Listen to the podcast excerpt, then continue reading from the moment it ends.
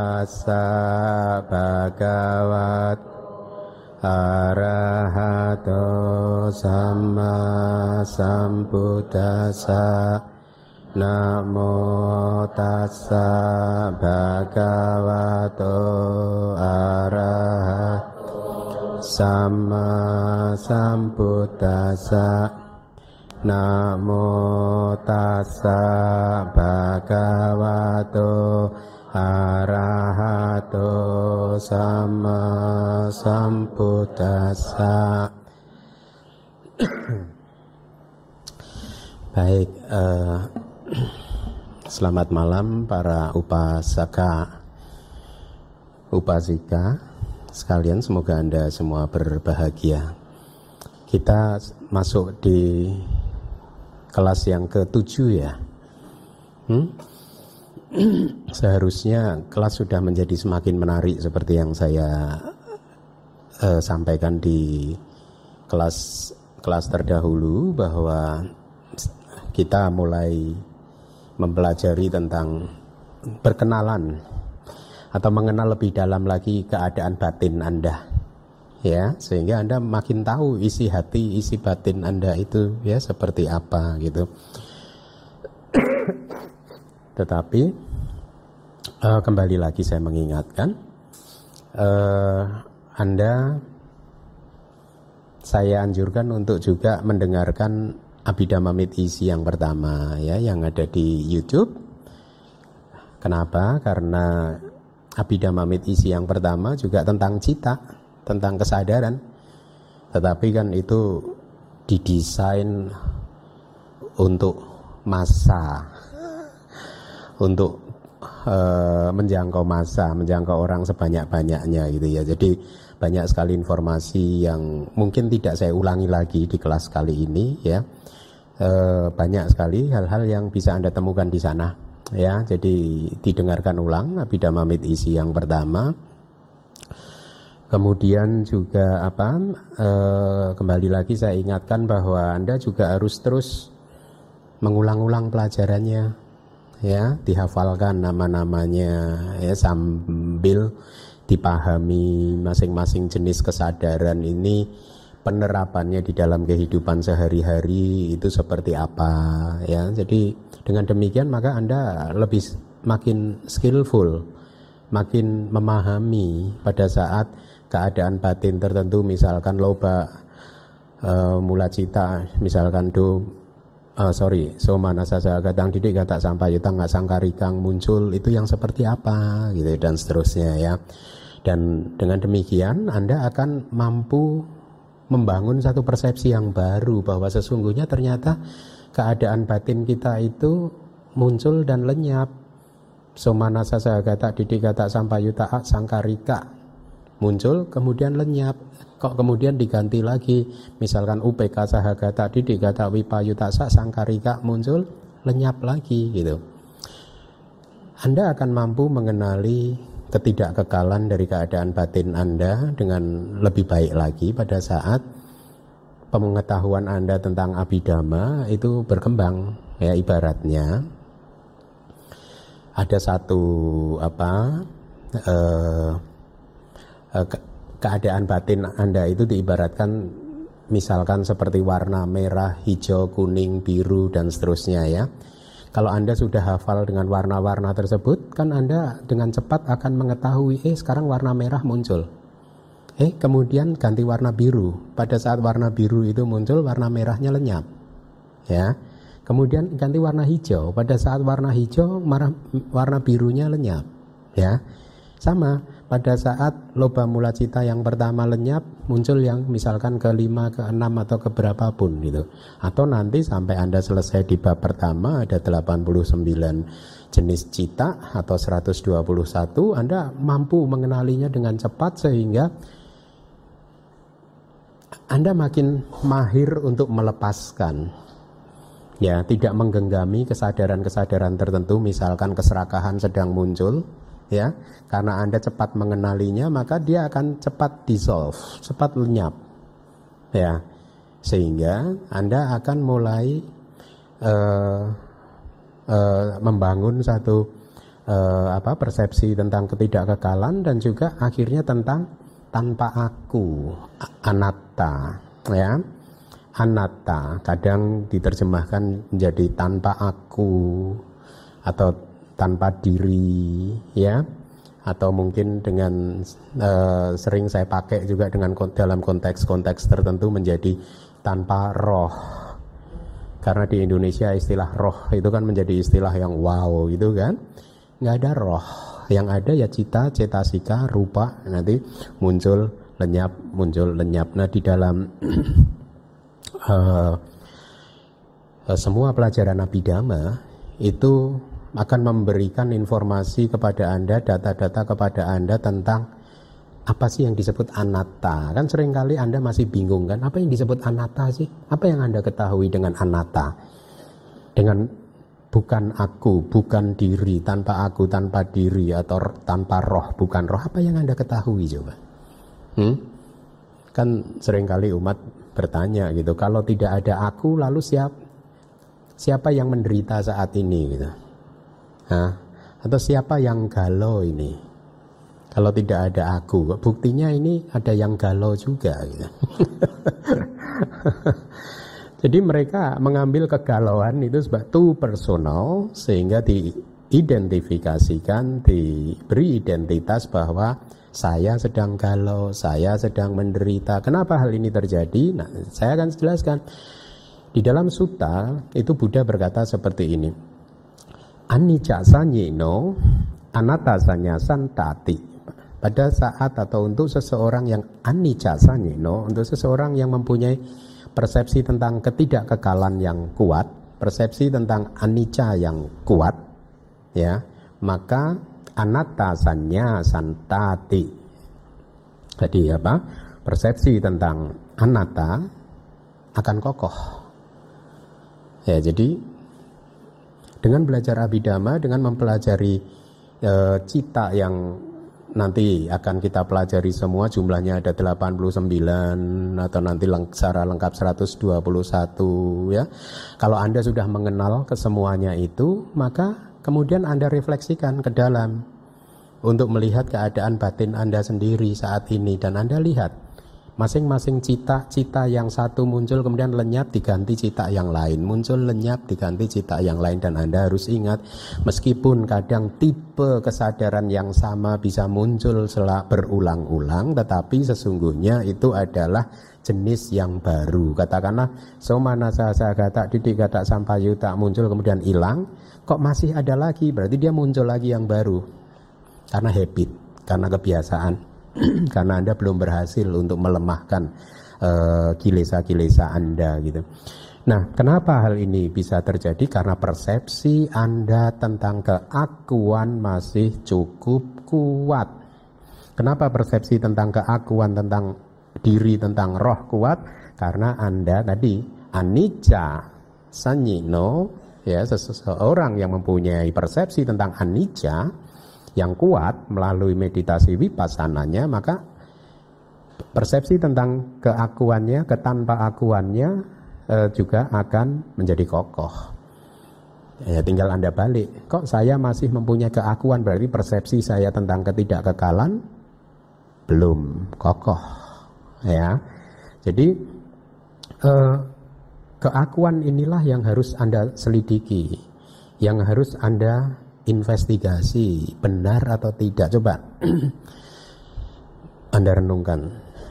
Mungkin Anda juga masih berpikir ini apa bahwa saat ini yang mendengarkan ceramah abidama adalah Anda ya. Nama Anda siapa identitas Anda. Yang melihat ke arah saya juga adalah si aku tadi. Yang sedang berpikir adalah si aku tadi. Yang sedang bahagia tersenyum adalah si aku tadi ya.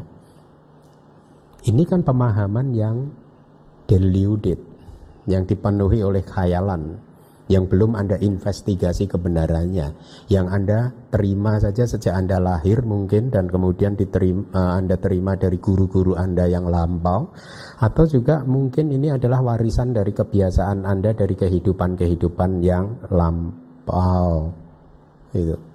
Nah, Kalau persepsi tentang keakuan ini masih kuat, maka kilesa-kilesa akan muncul karena semua kilesa itu landasannya adalah di pemahaman tentang adanya aku. Ya, dari aku akan muncul loba, akan muncul dosa, akan muncul keserakahan, akan muncul juga kemarahan atau kebencian. Kalau si aku ini sudah dihancurkan, pandangan salah tentang keakuan ini sudah dihancurkan, maka ibarat apa uh, satu uh, apa kekotoran batin akan mulai melemah secara bertahap, secara alamiah. Inilah mengapa seorang sota panak pada saat dia sudah menghancurkan sakaya didik pandangan salah tentang identitas diri, maka kilesa-kilesa dia melemah secara bertahap dan dikatakan dia maksimal tujuh kali kelahiran lagi.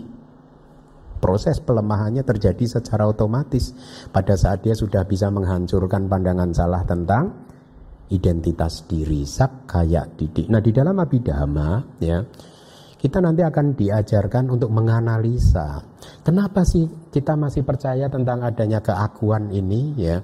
Tadi saya katakan aku yang melihat, aku yang mendengar, aku yang bahagia, aku yang bekerja, aku yang makan dan seterusnya. Anda selalu menganggap ini sebagai satu ada satu wujud yang solid, satu fenomena yang solid yang melakukan semua aktivitas ini.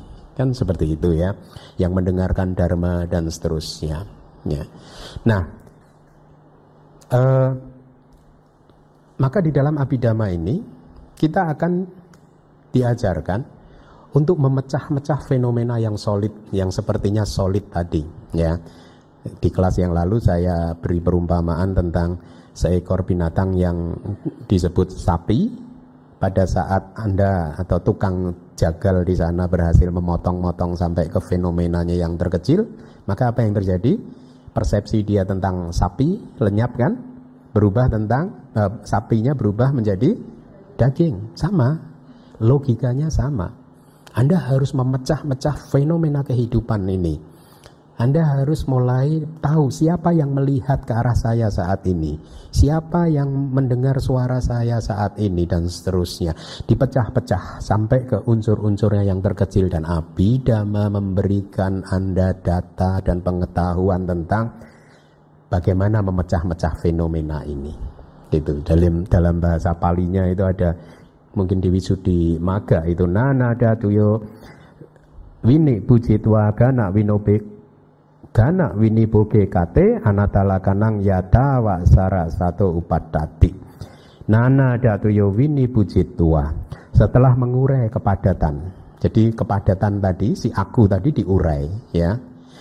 Kemudian gana wini boge kate demi untuk menguraikan uh, ke, ke kekompakan tadi maka Ah, sorry ke, ke fenomena yang solid yang padat tadi maka anatala kanang yadawa salah satu upat tadi karakteristik anata yang sesungguhnya akan Anda pahami. Jadi kita harus mengurai fenomena yang kelihatannya solid yang tadi saya sebutkan ke dalam nana datu elemen-elemen bermacam-macam elemen ya. Kalau dalam konteks bab yang pertama di dalam abidama bukan elemen tetapi kita analisa ke dalam cita dulu. Nanti di bab kedua kita akan analisa ke dalam uh, cetasika ya. Jadi karakteristik tentang ke, ke, ke tanpa akuan ini tersembunyi oleh kepadatan dari fenomena tadi. Kalau Anda berhasil membongkar fenomena yang kelihatannya padat tadi, ke dalam unsur-unsurnya yang terkecil, maka Anda akan persepsi Anda akan mulai berubah seperti persepsi tentang sapi berubah menjadi daging. Ya dan inilah pelajaran abidama. Anda akan diberikan semua informasi selengkap-lengkapnya tentang komponen pembentuk atau uh, ya komponen pembentuk satu fenomena kehidupan misalkan apa saja yang terlibat di dalam proses melihat, mendengar, mencium aroma dan lain sebagainya.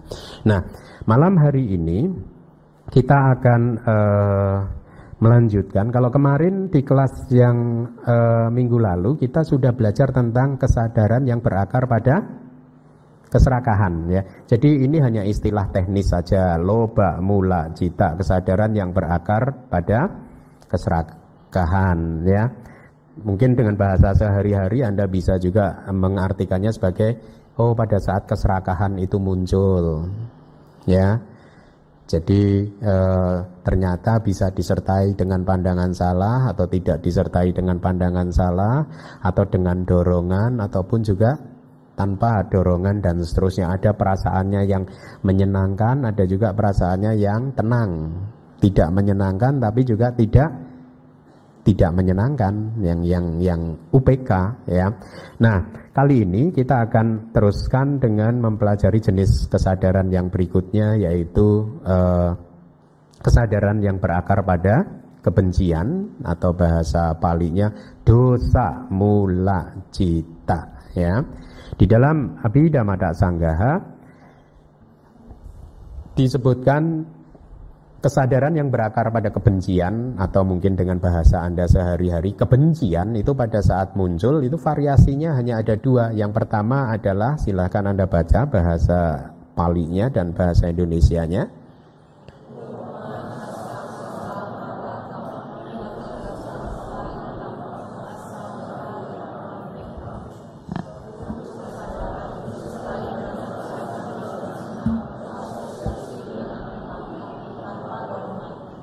Yang kedua,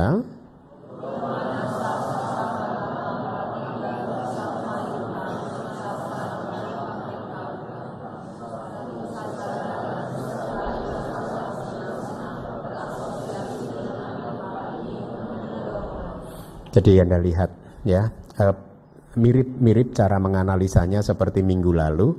Ada satu kesadaran ya, uh, komponen yang pertama adalah perasaannya tidak senang ya. Kemudian yang kedua dia berkumpul berasosiasi dengan antipati artinya pada saat perasaan yang tidak senang ini muncul ada perasaan antipati ada satu uh, perilaku batin yang antipati dan juga tanpa dorongan. Kemudian yang kedua yang berbeda hanyalah uh, yang bagian terakhir ya ini dengan dorongan. Jadi ini secara uh, sederhana kira-kira pada saat Anda marah secara otomatis, maka jenis kesadaran yang nomor 9 lah yang sedang muncul. Tiba-tiba marah. Tidak ada apa-apa, tiba-tiba marah. Ya, atau Anda tadinya tidak marah, kemudian diberitahu oleh teman Anda. Nah, kemudian karena kebakar oleh pemberitahuan dari teman Anda, akhirnya Anda marah. Ya, jadi marah karena dorongan. Atau Anda tadinya tidak marah, tetapi kemudian melihat wajah teman Anda yang menurut Anda, menurut persepsi Anda tidak mengenakan, kemudian Anda marah. Karena Anda didorong oleh pikiran Anda sendiri gitu. Ya. Uh, secara sederhana seperti itu. Terus uh, kalimat berikutnya adalah dua jenis kesadaran ini berasosiasi dengan antipati, selalu muncul dengan antipati ya. Seringkali disebut sebagai dosa mula cita atau kesadaran yang berakar pada kebencian. Ya ada dua. Kalau kesadaran yang berakar pada keserakahan ada berapa? Delapan. Baik, bagus ya. Mari kita lihat penjelasannya di kitab sub komentar ya. Tadi Anda baca ada domanasa. Domanasa ini perasaan, wedana ya. Sering kan Anda mendengar wedana kanda. Berarti wedana sekarang Anda udah tahu kemungkinan atau variasinya ada paling tidak yang uh, saat ini Anda ketahui ada berapa? Di loba mula ada somanasa ya, kemudian ada UPK, kemudian ada do manasa. Sudah ada tiga jenis perasaan yang Anda ketahui ya, yang Anda pelajari. Apa yang disebut do manasa? Do manasa adalah keadaan batin yang tidak baik.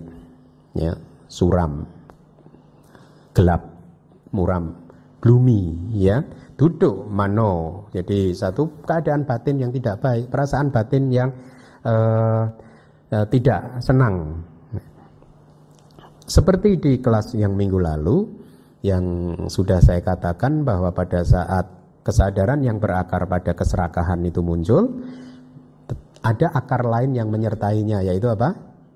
Moha. Jadi loba mula cita itu juga muncul dengan akar yang lain yaitu moha atau delusi atau khayalan atau ilusi ya moha ini selalu memberikan data kepada kita, mengelabui kita, ya, dengan memberikan data bahwa kalau saya melakukan ini maka saya akan bahagia selama-lamanya. Kalau saya hmm, apa uh, bekerja keras mendapatkan apa yang menjadi target saya bisa saya penuhi dalam usia yang sekian, maka saya akan bahagia selama-lamanya. Satu pemahaman bahwa ada sesuatu yang kekal selama-lamanya itu muncul karena pengaruh dari moha ya. Nah si loba, si keserakahan tertipu oleh moha akhirnya dia mengejar kekayaan, mengejar ini, mengejar itu ya. E, jadi beginilah cara bekerjanya akar-akar kejahatan kita ya.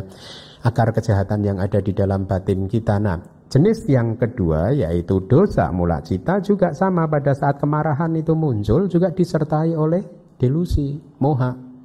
Ada akar kedua yaitu moha. Moha memberikan data kepada Anda, kepada kita bahwa ya orang tersebut akan membuat Anda menderita selama-lamanya loh. Inilah mengapa kemudian Anda membalas. Kemudian Anda mencoba untuk menghancurkan orang tersebut. Karena apa? Karena persepsi Anda tentang kekekalan mulai terancam. Ketenangan, kedamaian, kebahagiaan Anda mulai terancam. Coba bayangkan, kalau Anda tahu bahwa segala sesuatu itu adalah tidak kekal, ya, pemahaman persepsi Anda tentang ketidakkekalan ini sudah cukup kuat, bisa nggak Anda membalas dendam orang atas perlakuan buruk yang mereka lakukan kepada Anda. Ya. Tidak kan? Karena Anda tahu, cepat atau lambat juga semuanya akan lenyap dengan sendirinya.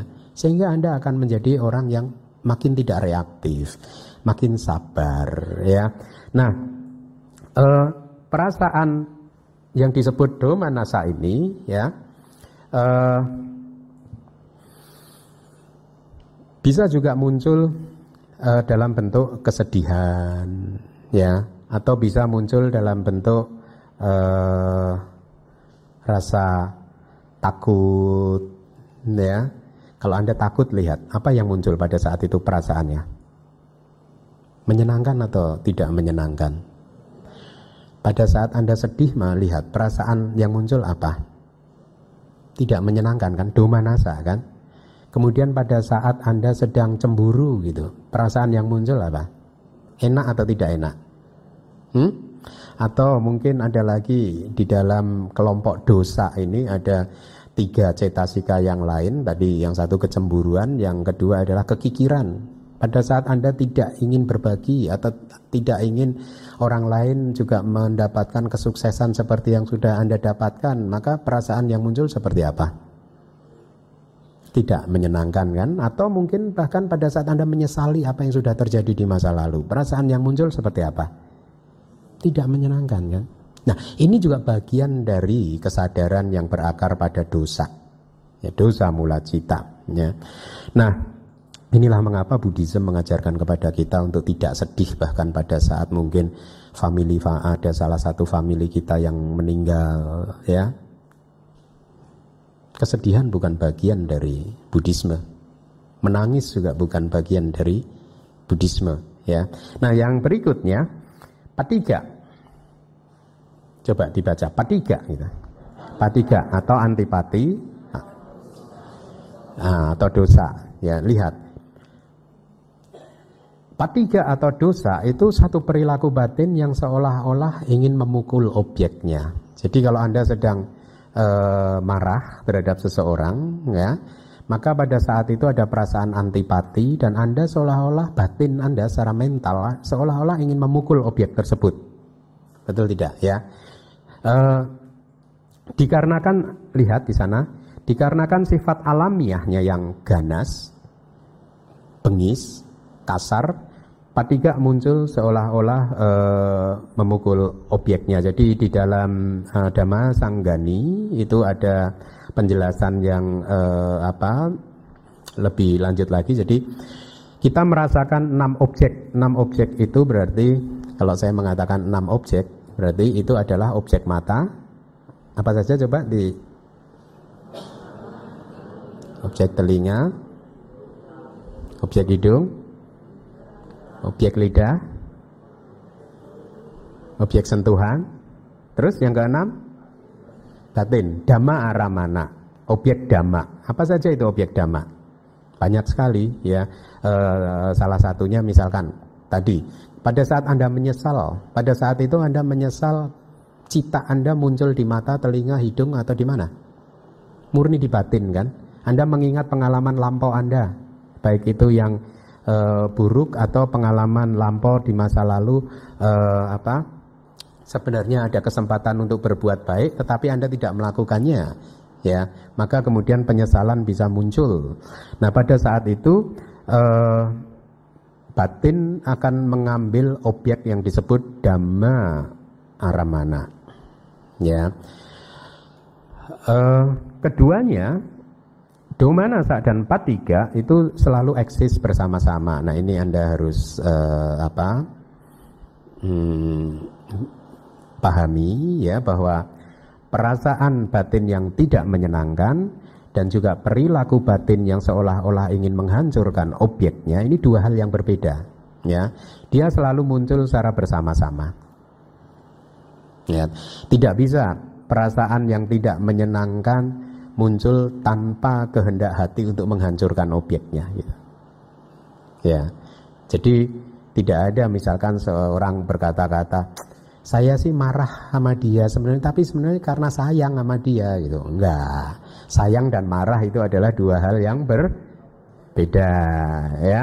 Nah Domanasa tadi sudah saya sampaikan itu adalah jenis e, perasaan ya wedana. Itu yang mempunyai karakteristik merasakan objek yang tidak menyenangkan ya. E, sementara patiga itu bukan perasaan, antipati itu bukan perasaan, dia adalah cetasika atau faktor mental, faktor batin yang berbeda, yaitu yang e, disebut juga nanti di bab kedua dosa, kemarahan, kebencian itu patiga ya. Jadi kalau doma nasa, kalau di dalam pancakanda dia termasuk di agregat apa? Wedana kanda, bagus. Kalau patiga dia masuk di agregat yang mana? Sang Sangkara ya? Ya, betul Sangkara Kanda ya.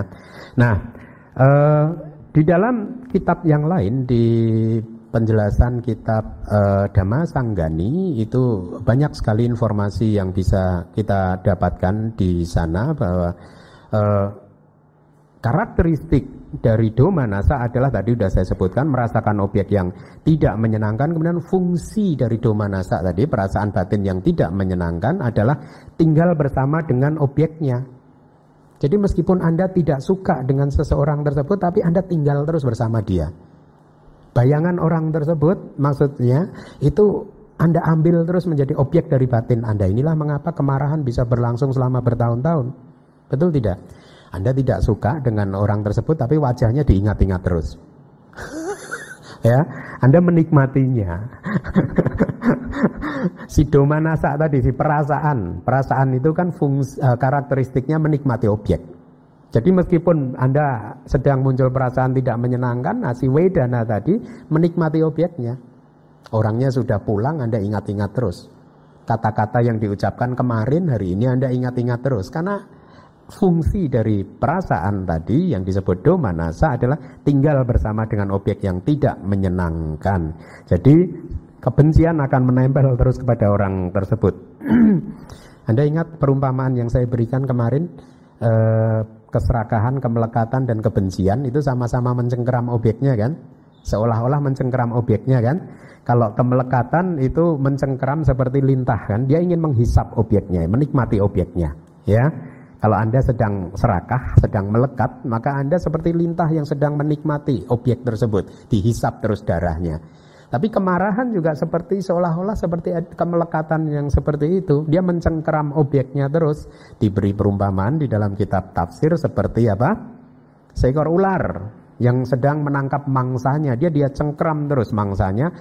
Tetapi kali ini tidak dalam rangka untuk menyedot darah untuk menikmatinya, tetapi untuk menghancurkannya. Ya, kemarahan itu seperti itu. Objeknya dicengkram terus untuk dihancurkan. Jadi lihat bahwa sesungguhnya kemarahan itu bukanlah masalah interpersonal. Kalau Anda sedang benci terhadap seseorang, kebencian kemarahan Anda itu bukan masalah Anda dengan orang tersebut.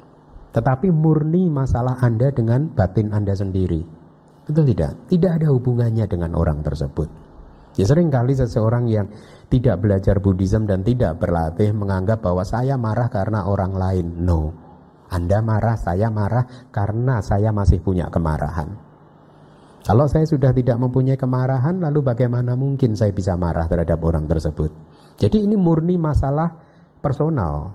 Kemarahan, kebencian, stres itu adalah masalah kita sendiri dengan kualitas batin kita sendiri. Nah, jadi patiga tadi antipati saya terjemahkan jadi antipati itu adalah satu perilaku batin yang ingin menghancurkan objeknya, membentur objeknya tanpa kasih sayang dikatakan di dalam kitab eh, penjelasan dari Dhammasanggani.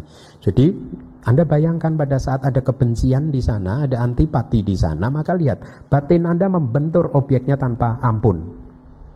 Tidak ada kasih sayang, tidak ada kewelas asihan di sana, betul tidak? Hmm? Uh, jadi batin yang seperti ini adalah batin yang sangat buruk dikatakan. Kenapa? Karena mempunyai perasaan yang rendah, hina, wedena. Ya, dia ingin sebenarnya ingin melukai hatinya sendiri. Ya seseorang yang marah, kalau Anda sedang marah maka sesungguhnya Anda adalah korban pertama dari kemarahan Anda. Orang lain belum tentu menjadi korban Anda loh. Kalau Anda marah-marah terhadap arahat, emang arahatnya stres gara-gara kemarahan Anda? Tidak. Tapi yang stres malah Anda sendiri karena kemarahan melipat gandakan penderitaan Anda. Nah mari kita teruskan. Domanasa adalah dhamma yang mempunyai karakteristik merasakan objek yang tidak disenangi. Tadi sudah saya katakan ya, ini perasaan batin yang tidak menyenangkan itu karakteristiknya menikmati objek. Lucu kan? Tidak senang tapi dinikmati juga. Ya, inilah inilah mengapa uh, seseorang bisa menyimpan dendam selama 10 tahun, selama 20 tahun. Kenapa? Karena dia menikmatinya. Huh? Tidak mau dilepas-lepaskan memori tersebut ya dilekati terus meskipun sesungguhnya ya strictly speaking kemelekatan itu adalah uh, fungsi dari loba ya kan kalau anda nanti belajar keserakahan kemelekatan atau loba itu fungsinya adalah melekatkan objek atau batin kepada objeknya. Diberi perumpamaan seperti uh, anda melemparkan daging di penggorengan yang tanpa apa minyak yang sudah panas penggorengannya Anda lempar daging yang segar ya daging tersebut akan menempel tidak bisa dilepaskan. Itu loba itu adalah keserakahan itu adalah kemelekatan ya fungsinya. Tetapi tadi saya katakan bahwa dosa juga mempunyai sifat yang kira-kira sama mencengkeram objeknya tetapi berbeda kali ini dia ingin menghancurkannya ya. Nah uh, Kemudian patiga adalah dhamma yang karakteristiknya ganas dan termasuk di dalam tadi Anda sudah tahu sangkara kanda agregat formasi-formasi apa e, mental ya. Jadi kalau patiga atau dosa itu karakteristiknya adalah suasana keadaan batin Anda yang apa? E, kejam, sadis, kasar ya seperti ular yang akan yang sudah disakiti Anda Anda tahu nggak sifatnya ular itu? Kalau ada ular, Anda diamkan, dia tidak akan menyerang Anda. Ya. Karena saya tinggal di hutan bertahun-tahun gitu, dulu di masa-masa awal gitu, sampai kemudian saya hafal perilaku ular. Dia hanya akan menyerang kalau Anda memulainya. Ya, kalau Anda tidak memulainya, dia juga akan baik-baik saja. Ya. Nah, jadi pada saat dosa, kebencian, kemarahan ini muncul batin kita karakteristiknya itu kasar, marah ya, seperti seekor ular yang disakiti dia akan menyerang. Kemarahan tersebut juga begitu. Kemarahan ini akan mendorong kita untuk menyerang, menyerang orang tersebut dan fungsinya adalah untuk membakar hadaya waktu, membakar landasan hati kita. Ya sehingga kita menjadi makin panas, makin terbakar gitu. Hati-hati orang yang sering marah-marah dikatakan, medis juga mengatakan bahwa orang yang sering marah kenapa? Rentan terhadap penyakit kanker dan lain sebagainya ya. Karena dia membakar hadaya wadunya. Ya. E, kemudian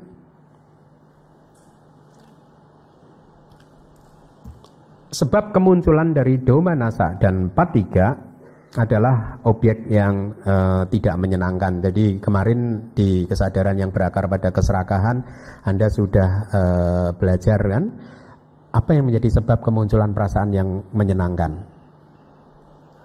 Sebab atau kondisinya yaitu objek yang menurut persepsi kita adalah objek yang menyenangkan. Nah sekarang juga sebab kemunculan dari do manasa dan patiga adalah objek yang tidak menyenangkan atau sembilan landasan dari uh, kemarahan ya Keduanya tadi dikatakan domanasa dan patiga itu bercampur. Kalau ada perasaan yang tidak nyaman, maka hati-hati pada saat itu perilaku batin Anda sedang berusaha untuk menghancurkan objeknya yang membuat perasaan tidak nyaman tersebut muncul. Ya, kalau perilaku batin ingin menyerang objeknya, maka lihat pada saat itu doma nasa juga muncul. Jadi doma nasa itu adalah wedana kanda, patiga itu adalah sangkara kanda, keduanya muncul secara bersama-sama di dalam kitab penjelasan dari Dhamma Sanggani itu diberi perumpamaan seperti air kencing bercampur dengan racun. Wisa sang sadak putih muta, putih muta. Itu sebenarnya mungkin air kencing sapi gitu. Jadi bercampur dengan racun. Kira-kira seperti itu. Ya, hal yang menjijikkan bercampur dengan hal yang juga sangat merusak. Jadi kemarahan ini sangat uh, merusak kita. Kedua jenis kesadaran ini muncul untuk menyakiti objeknya tadi sudah dibahas. Kemudian tadi dikatakan penyebab munculnya perasaan doma nasa dan juga patiga adalah sembilan landasan kemarahan apa saja? Anda perhatikan itu ada sembilan eh, yang membedakan adalah apa? Masa lalu, masa sekarang dan juga masa yang akan datang. Itu lihat, Anda perhatikan yang saya beri garis bawah itu, ya. Dia telah menyakiti saya, dia sedang menyakiti saya, dia akan menyakiti saya. Kalau kita berpikir yang seperti ini, ya, maka kemarahan akan bisa muncul. Ya. Atau yang keempat, dia telah menyakiti sahabat saya, atau dia sedang menyakiti sahabat saya, dia akan menyakiti sahabat saya, juga kemarahan, kebencian juga bisa muncul. Ya. Atau yang terakhir dia telah membantu seseorang yang saya benci, dia sedang membantu seseorang yang saya benci atau dia akan membantu seseorang yang saya benci, maka kemarahan dan juga apa kebencian juga perilaku batin yang menghancurkan objeknya juga bisa muncul. Ya. Kemudian uh, contoh dari dosa mula cita? Coba Anda jawab. Anda baca dulu.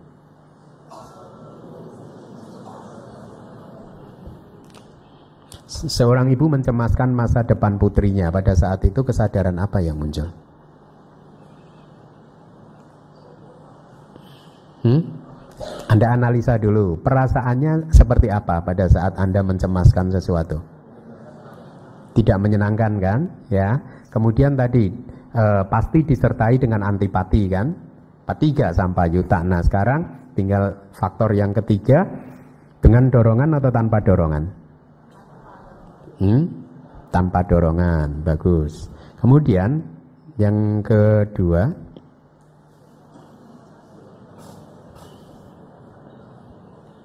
jenis kesadaran yang mana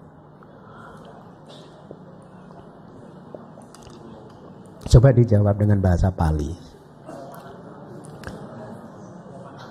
Hah? Ya, yang lengkap bahasa Palinya.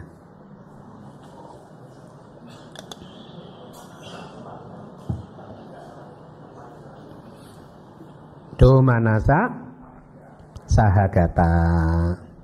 Patiga sambayuta. A sangkarika apa sak sangkarika? Dengan atau tanpa dorongan?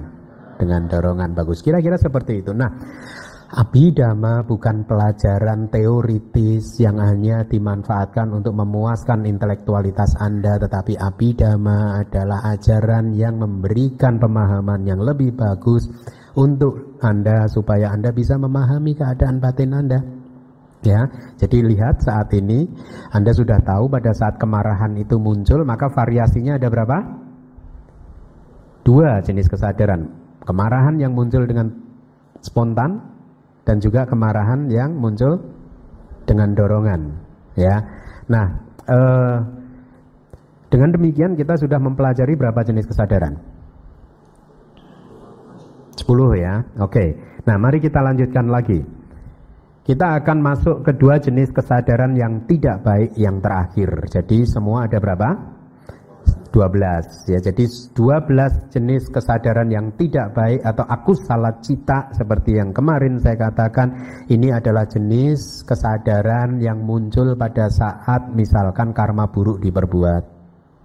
Ya, ini adalah jenis kesadaran yang muncul pada saat uh, panati pata ya membunuh makhluk hidup terjadi. Ini adalah jenis kesadaran yang muncul pada saat ada seseorang sedang berbohong ya atau sedang melanggar sila-sila yang lain. Jadi yang melanggar sila adalah siapa? Cita, bukan Anda. ya sekali lagi, yang melakukan kejahatan adalah cita ini. Aku salah cita, kesadaran yang tidak baik ya. Pada saat sekarang kita analisa. Pada saat Anda sedang melanggar sila yang pertama pada saat itu kesadaran mana yang muncul? Nah ini bagus nih. Hmm? Pada saat Anda melanggar sila yang pertama, maka pada saat itu kesadaran mana yang muncul? Hah? Kesadaran yang berakar pada apa? Hah? Kebencian kan? Ya. Kemudian, kalau Anda sedang melanggar sila yang kedua, pada saat itu kesadaran mana yang muncul? Hmm? Disebutkan lengkapnya apa? Kesadaran yang berakar pada keserakahan atau loba mula cita itu kalau Anda melanggar sila kedua dengan tujuan untuk memilikinya. Tetapi kalau Anda ingin mengambil benda orang lain supaya orang tersebut menderita, Anda benci dengan orang tersebut, Hah? Nah, motivasinya bisa berbeda kan? Kalau Anda sedang melanggar sila yang keempat, berbohong, pada saat itu kesadaran mana yang muncul? Hmm? Hmm? Bisa loba mula cita, bisa juga dosa mula cita. Loba mula cita muncul misalkan ya, Anda berbohong mengunggulkan diri Anda sendiri. Ya, untuk meninggikan mutu Anda sendiri. Nah, berarti ada kemelekatan terhadap diri Anda sendiri kan? Ada keserakahan terhadap diri Anda sendiri kan? Maka pada saat itu loba mula cita muncul. Ya, tetapi Anda berbohong mungkin karena takut.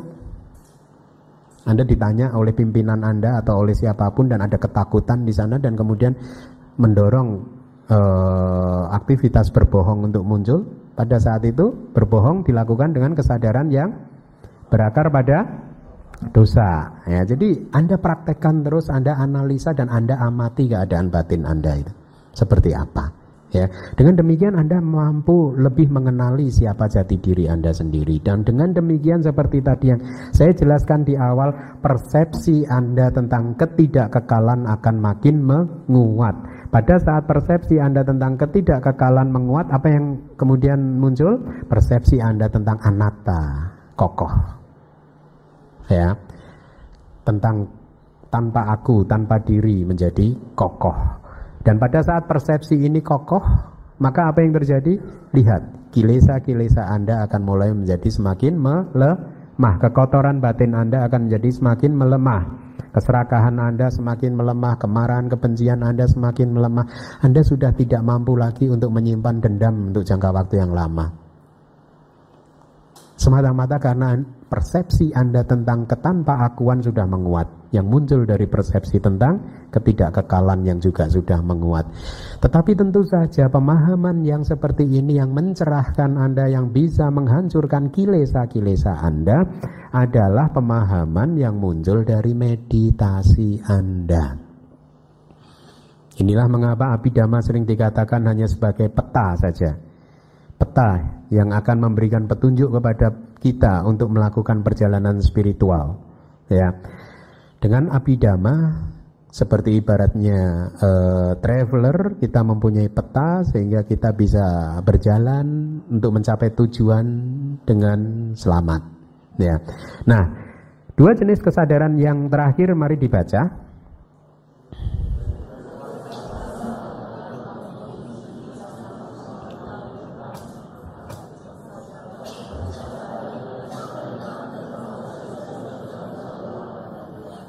Yang kedua,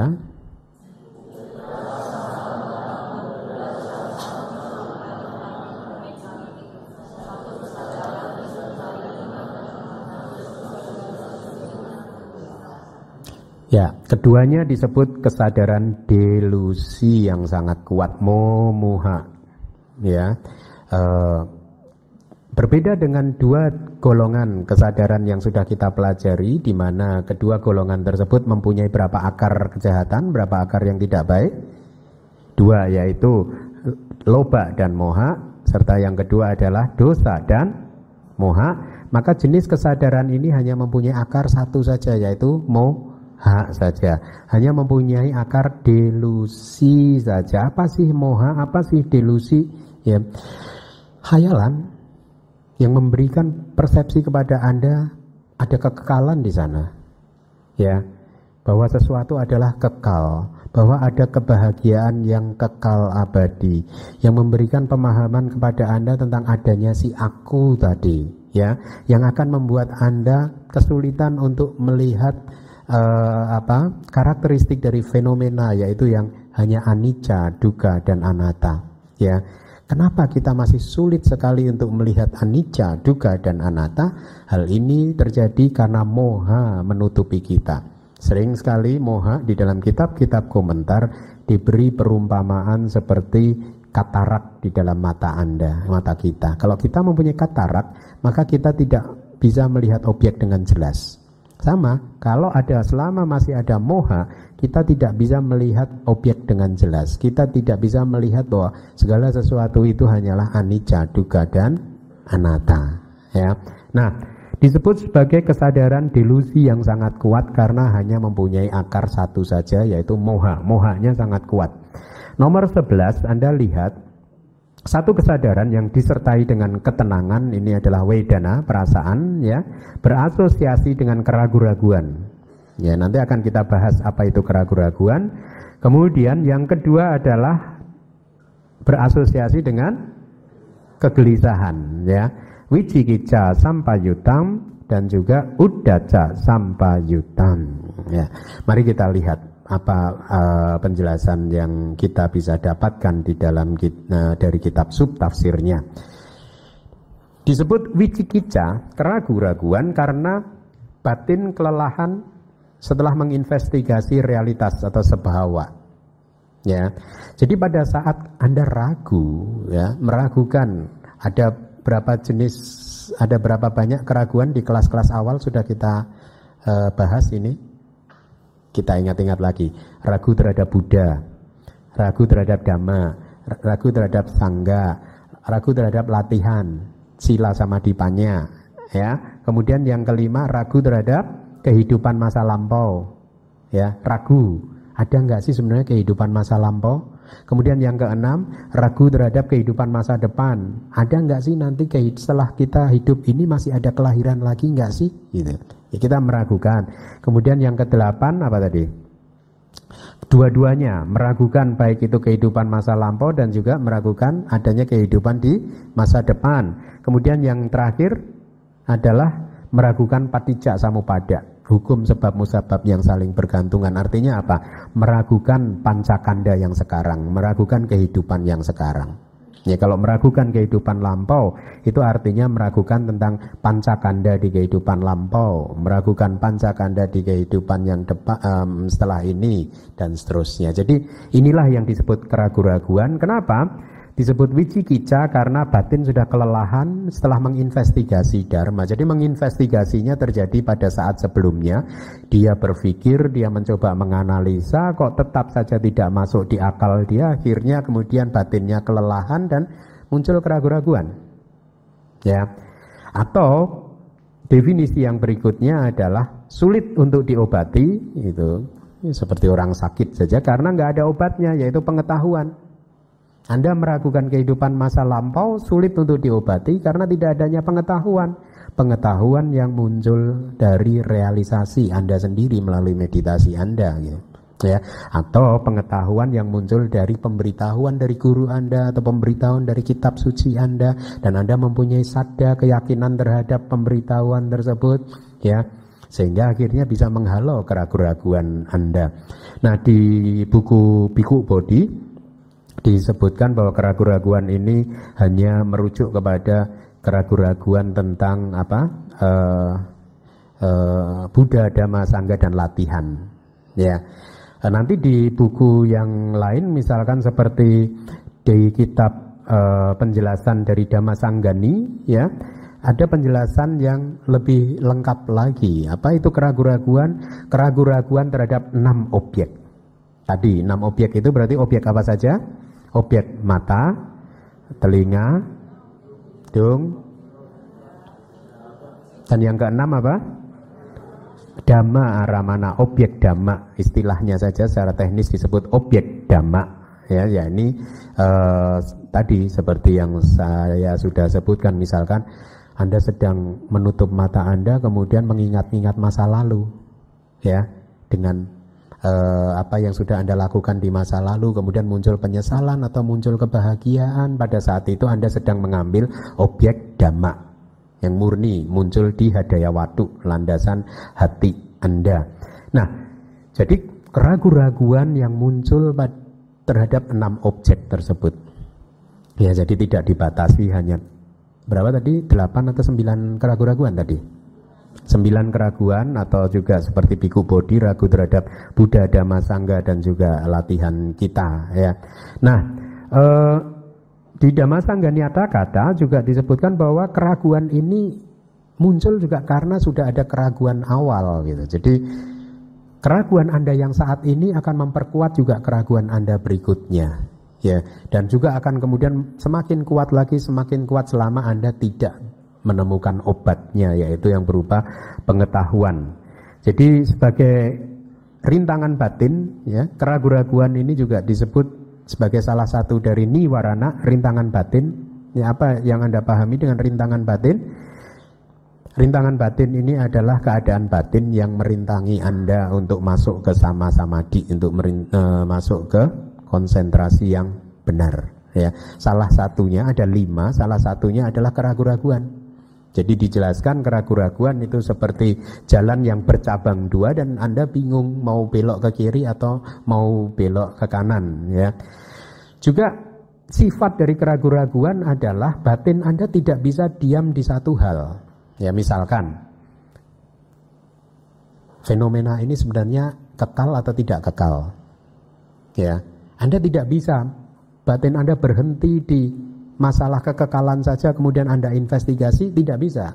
Batin Anda hanya bingung terus, tidak di sini, tidak di sana terus, bergerak terus, ragu-ragu terus, tidak bisa mengambil objek dengan pasti gitu. Ya, atau misalkan Anda ragu terhadap meditasi vipassana, misalkan vipassana ini harus dengan jana atau tanpa jana. Maka pada saat itu perilaku batin akan bergerak terus. Ya, e, dikatakan tidak mampu diam di dalam satu hal, kemudian juga dikatakan tidak cerdas untuk memahami fenomena karena tidak adanya kebijaksanaan, ya. Kemudian ban, uh, batin kita secara mental juga seperti kaku kalau kita sedang mengalami keraguan-raguan, ya. Kaku, ya, tidak mampu untuk memutuskan, gitu. Tidak mampu untuk memutuskan mau belok ke kiri atau mau belok ke kanan dan menarik diri dari objek serta tidak berani bertindak ya tidak berani memutuskan mau belok ke kiri, tidak juga memutuskan mau belok ke kanan. Gitu. Ke kiri tidak, ke kanan tidak. Senantiasa dicekam oleh keraguan-raguan. Nah sebaliknya, udaca, apa yang kita pahami dengan udaca atau kegelisahan itu, meskipun kegelisahan itu muncul di semua aku salah cita atau kesadaran yang tidak baik, tetapi karena di sini, di dalam kesadaran yang nomor 12 ini maksudnya, udaca itu sangat kuat dan dominan, maka namanya dipakai untuk memberikan nama cita yang muncul bersamanya yaitu udaca sampayuta atau berasosiasi dengan kegelisahan. Nah, apa yang Anda pahami dengan kegelisahan? Di kitab Dhamma Sangganiata kata juga ada kalimat cita sati na satta sa na posasa. Jadi artinya kegelisahan. Seperti fenomena batin yang lain hanya cita sati na satta sa na posasa hanya batin saja. Bukan makhluk. Bukan Anda bukan laki-laki posa itu laki-laki itu. Jadi ini hanya fenomena batin. Nah, ini yang terus harus Anda kembangkan bahwa apa pun yang Anda pelajari di bab yang satu ke satu ini semuanya hanyalah fenomena batin bukan Anda. Anda selamat kan? Keakuan Anda selamat ya. Nah, eh, apa yang disebut eh, udaca atau kegelisahan? Ud udah cantik, udah takaru artinya keadaan batin yang senantiasa berada di atas objeknya dia.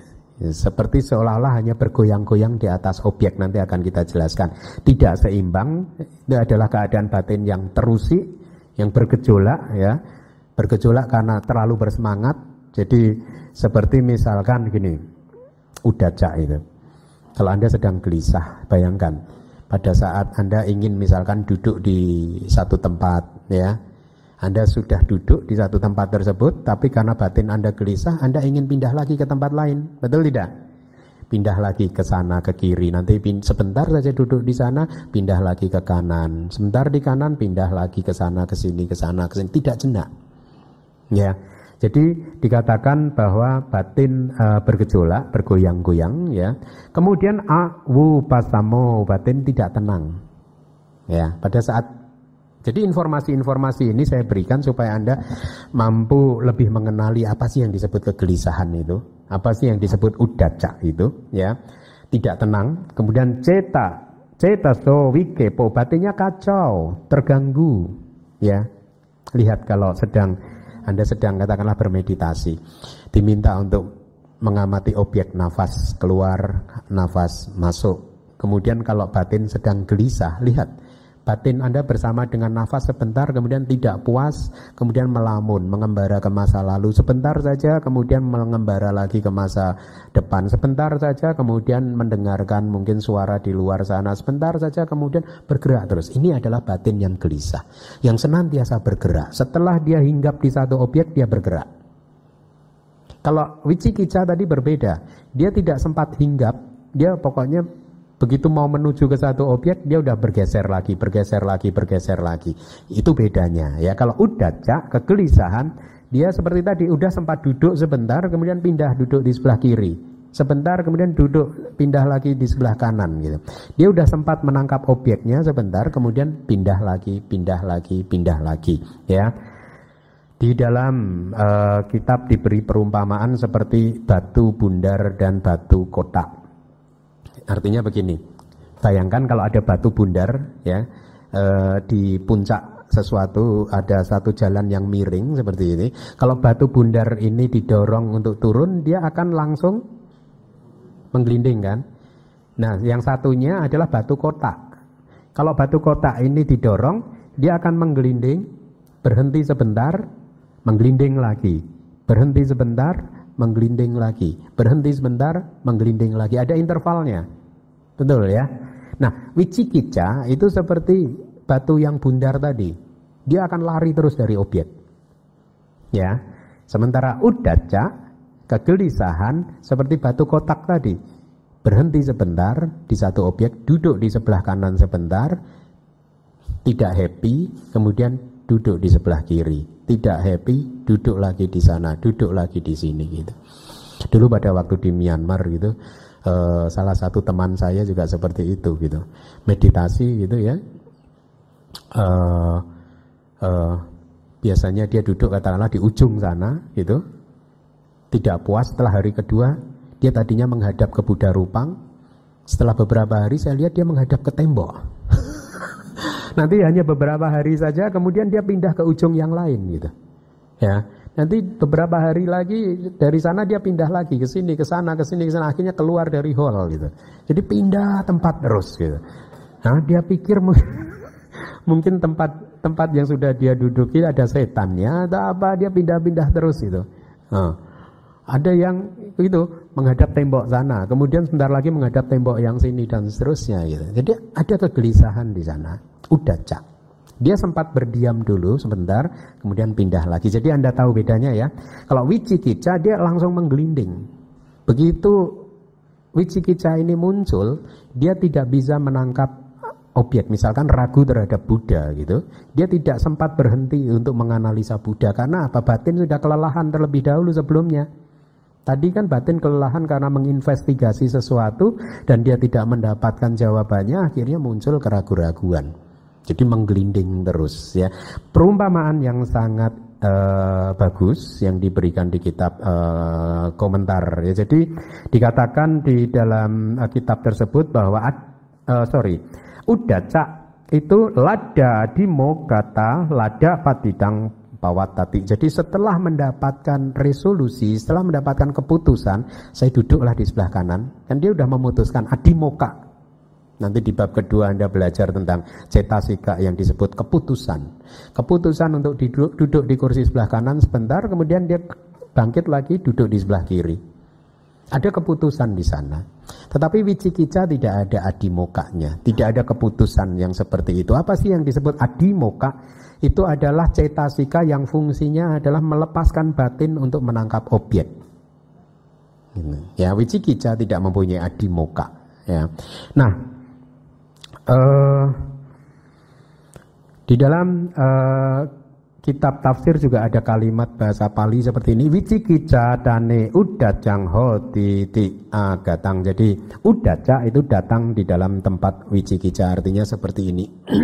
Uh, Setelah dia memutuskan sebentar, kemudian dia lari. Mirip-mirip Wicikica tadi keraguan-raguan kan dia belum sempat memutuskan kalau Wicikica, tapi sifatnya kan sama-sama lari dari objeknya. Ya, nah ee, kalau Udaca setelah sampai dia kemudian lari lagi seperti Wicikica. Ya, setelah dia memutuskan duduk di satu tempat, dia pindah lagi duduk di tempat yang lain. Ya, uh, itu di Dhamma Sangganyata kata halaman 260. Kemudian kita lanjutkan. Tadi sudah saya katakan bahwa dua cita yang berakar pada moha ini tidak mempunyai akar yang lain. Sifat citanya adalah tidak stabil karena tercerai berai oleh kebingungan. Ya, jadi batin Anda sedang uh, dalam keadaan yang tidak stabil, lari ke sini, lari ke sana seperti teman saya tadi yang bermeditasi di ujung sana pindah ke sini dan seterusnya. Jadi uh, tadi juga diberikan definisinya kegelisahan itu adalah keadaan, batin yang bergoyang-goyang di atas objeknya, ya. Jadi batin Anda bergerak terus, ya, tidak stabil Keduanya selalu muncul tanpa kemelekatan, tanpa loba, dan juga tanpa kemarahan atau tanpa dosa dan hanya disertai oleh perasaan satu saja yakni jenisnya ketenangan atau UPK. Karena sifatnya yang tidak memerlukan usaha atau energi untuk kemunculannya, maka cita ini tidak bisa dibedakan ke dalam dengan dorongan atau tanpa dorongan. Tadi Anda baca tidak ada kan? poin yang itu ya. Tetapi Lady Sayado ini seorang bante yang sangat terkenal di Myanmar ya menyatakan di dalam bukunya eh, bahwa kedua cita ini muncul selalu tanpa dorongan, spontan. Ya tinggal Anda menganalisanya saja. Wicikica, keraguan-raguan dan kegelisahan ini munculnya spontan atau bagaimana, ya.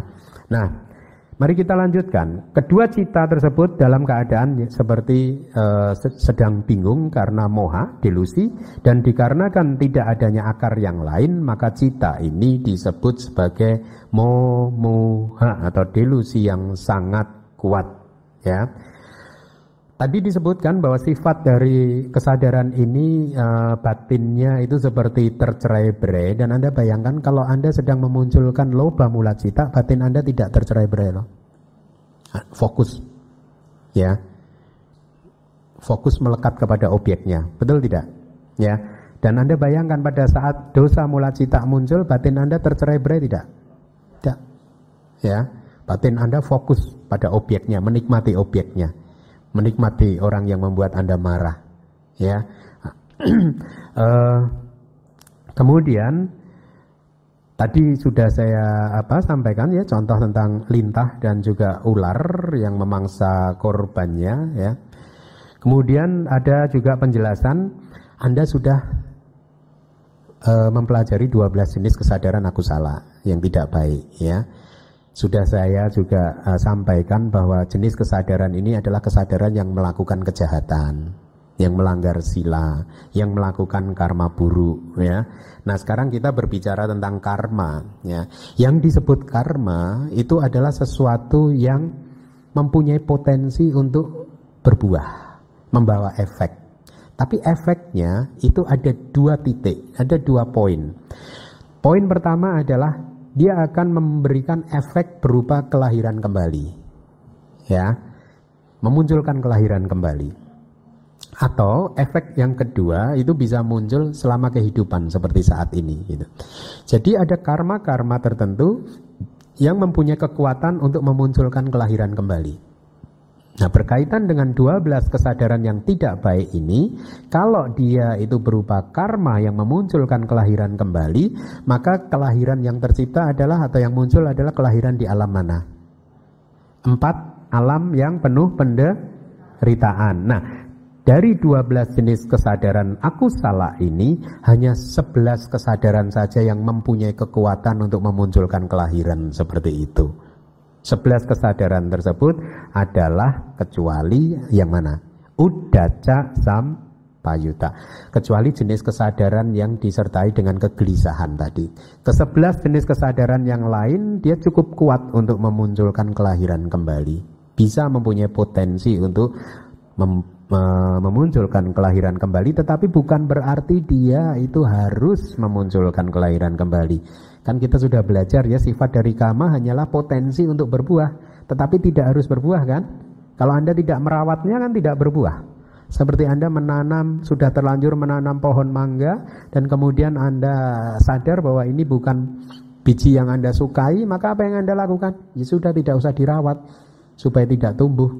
Di kelas yang lalu sudah kita pelajari ya bagaimana cara uh, merawat jenis-jenis uh, karma tertentu. Nah, contoh, silakan anda jawab. Seseorang meragukan kebenaran hukum kama. Pada saat itu jenis kesadaran yang mana yang akan muncul? yang muncul? hmm? Yang mana? Bisa dibaca bahasa palinya.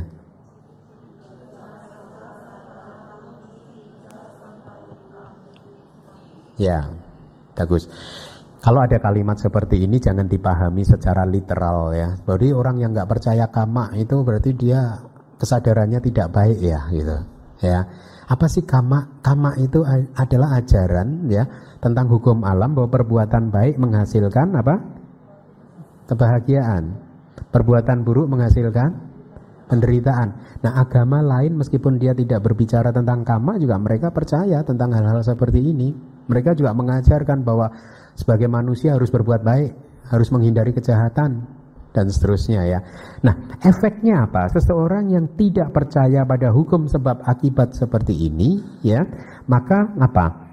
Dia akan cenderung untuk berbuat ceroboh dia akan cenderung untuk melakukan hal-hal apa pun khususnya hal-hal yang tidak baik dengan sangat ringan sekali karena dia tidak percaya pada efeknya.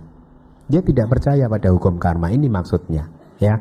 Pada saat pemahaman yang tidak mempercayai hukum karma membuat dia akhirnya berbuat ceroboh, berbuat kejahatan tersebut uh, terus-menerus karena dia tidak percaya dengan buah dari kejahatan, maka Tentu saja jenis perbuatan yang seperti ini mempunyai potensi untuk memunculkan kelahiran kembali di empat alam yang penuh penderitaan. Nah, contoh yang kedua, silakan dibaca keras-keras.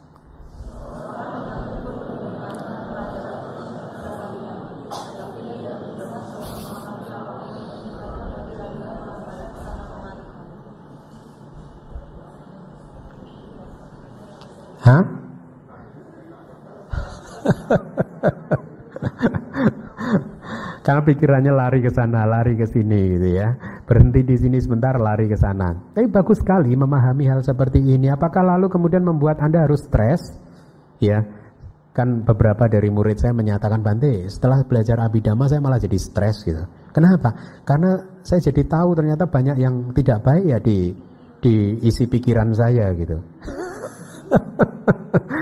lebih baik tahu atau lebih baik atau tidak tahu lebih baik tahu kan dan kabar baiknya Buddha mengizinkan pikiran kita untuk tidak baik Tapi Buddha mengajarkan kepada kita di kebenaran mulia yang pertama, kebenaran mulia tentang duka, ya, tentang penderitaan. Penderitaan harus dipahami seutuhnya, selengkapnya. Penderitaan tidak untuk ditolak. Ya, jadi kalau memang keadaan batin ini sedang tidak baik, Anda pahami, Anda analisa, ya bagaimana dampak yang diciptakan oleh keadaan batin yang tidak baik tersebut terhadap nama dan rupa Anda terhadap batin dan juga jasmani Anda ya terhadap persepsi Anda terhadap reaksi Anda dan seterusnya. Pahamilah itu sebaik-baiknya. Nah dengan mempelajari abidama akan membuat Anda semakin kenal keadaan batin seperti itu. Dengan demikian Anda akan lebih mudah untuk mengamatinya. Hmm? Jadi lebih baik tahu ya. Nah mari kita lanjutkan. Uh, dari Abhidhamata Sanggaha kalimatnya penutupnya demikianlah akhir dari keseluruhan 12 kesadaran yang tidak baik 8 berakar pada keserakahan, 2 berakar pada kebencian, dan 2 berakar pada delusi. Demikianlah 12 kesadaran yang tidak baik. Penjelasannya adalah eh, Kedua belas, aku salah cita telah selesai kita uraikan dengan tiga model asosiasi. Ini yang Anda uh, harus apa uh, terus renungkan tiga model asosiasi yakni asosiasi dengan perasaan sukacita, kemudian UPK ya, kemudian juga domanasa yang tidak apa perasaan tidak senang, kemudian juga ada pandangan salah atau tidak adanya pandangan salah dengan dorongan atau tanpa dorongan, dengan wicikica atau dengan kegelisahan ya. Jadi faktor-faktor batin ini yang terus juga harus Anda amati, Anda pahami ya. Anda lihat di dalam kehidupan Anda sehari-hari kapan dia muncul dan kapan dia lenyap. Loba disebut akar. Kenapa? Karena sifatnya ya membuat cita menjadi kokoh. Demikian, demikian pula dosa dan moha. Jadi dikatakan sebagai akar karena jenis kesadaran, jenis cita yang mempunyai akar itu kokoh sifatnya. Berbeda nanti minggu depan kita akan belajar cita yang tidak mempunyai akar. Ya, cita ini diibaratkan tidak kokoh seperti lumut yang menempel di batu. Lumut yang menempel di batu itu kan lumutnya tidak punya akar yang masuk ke dalam batu kan, sehingga mudah sekali dirontokkan. Sementara cita yang mempunyai akar itu kokoh seperti pohon besar yang akarnya juga besar, sulit untuk dirontokkan. Ya. Ya, dengan demikian maka kita telah selesai di kelas kita malam hari ini. Terima kasih.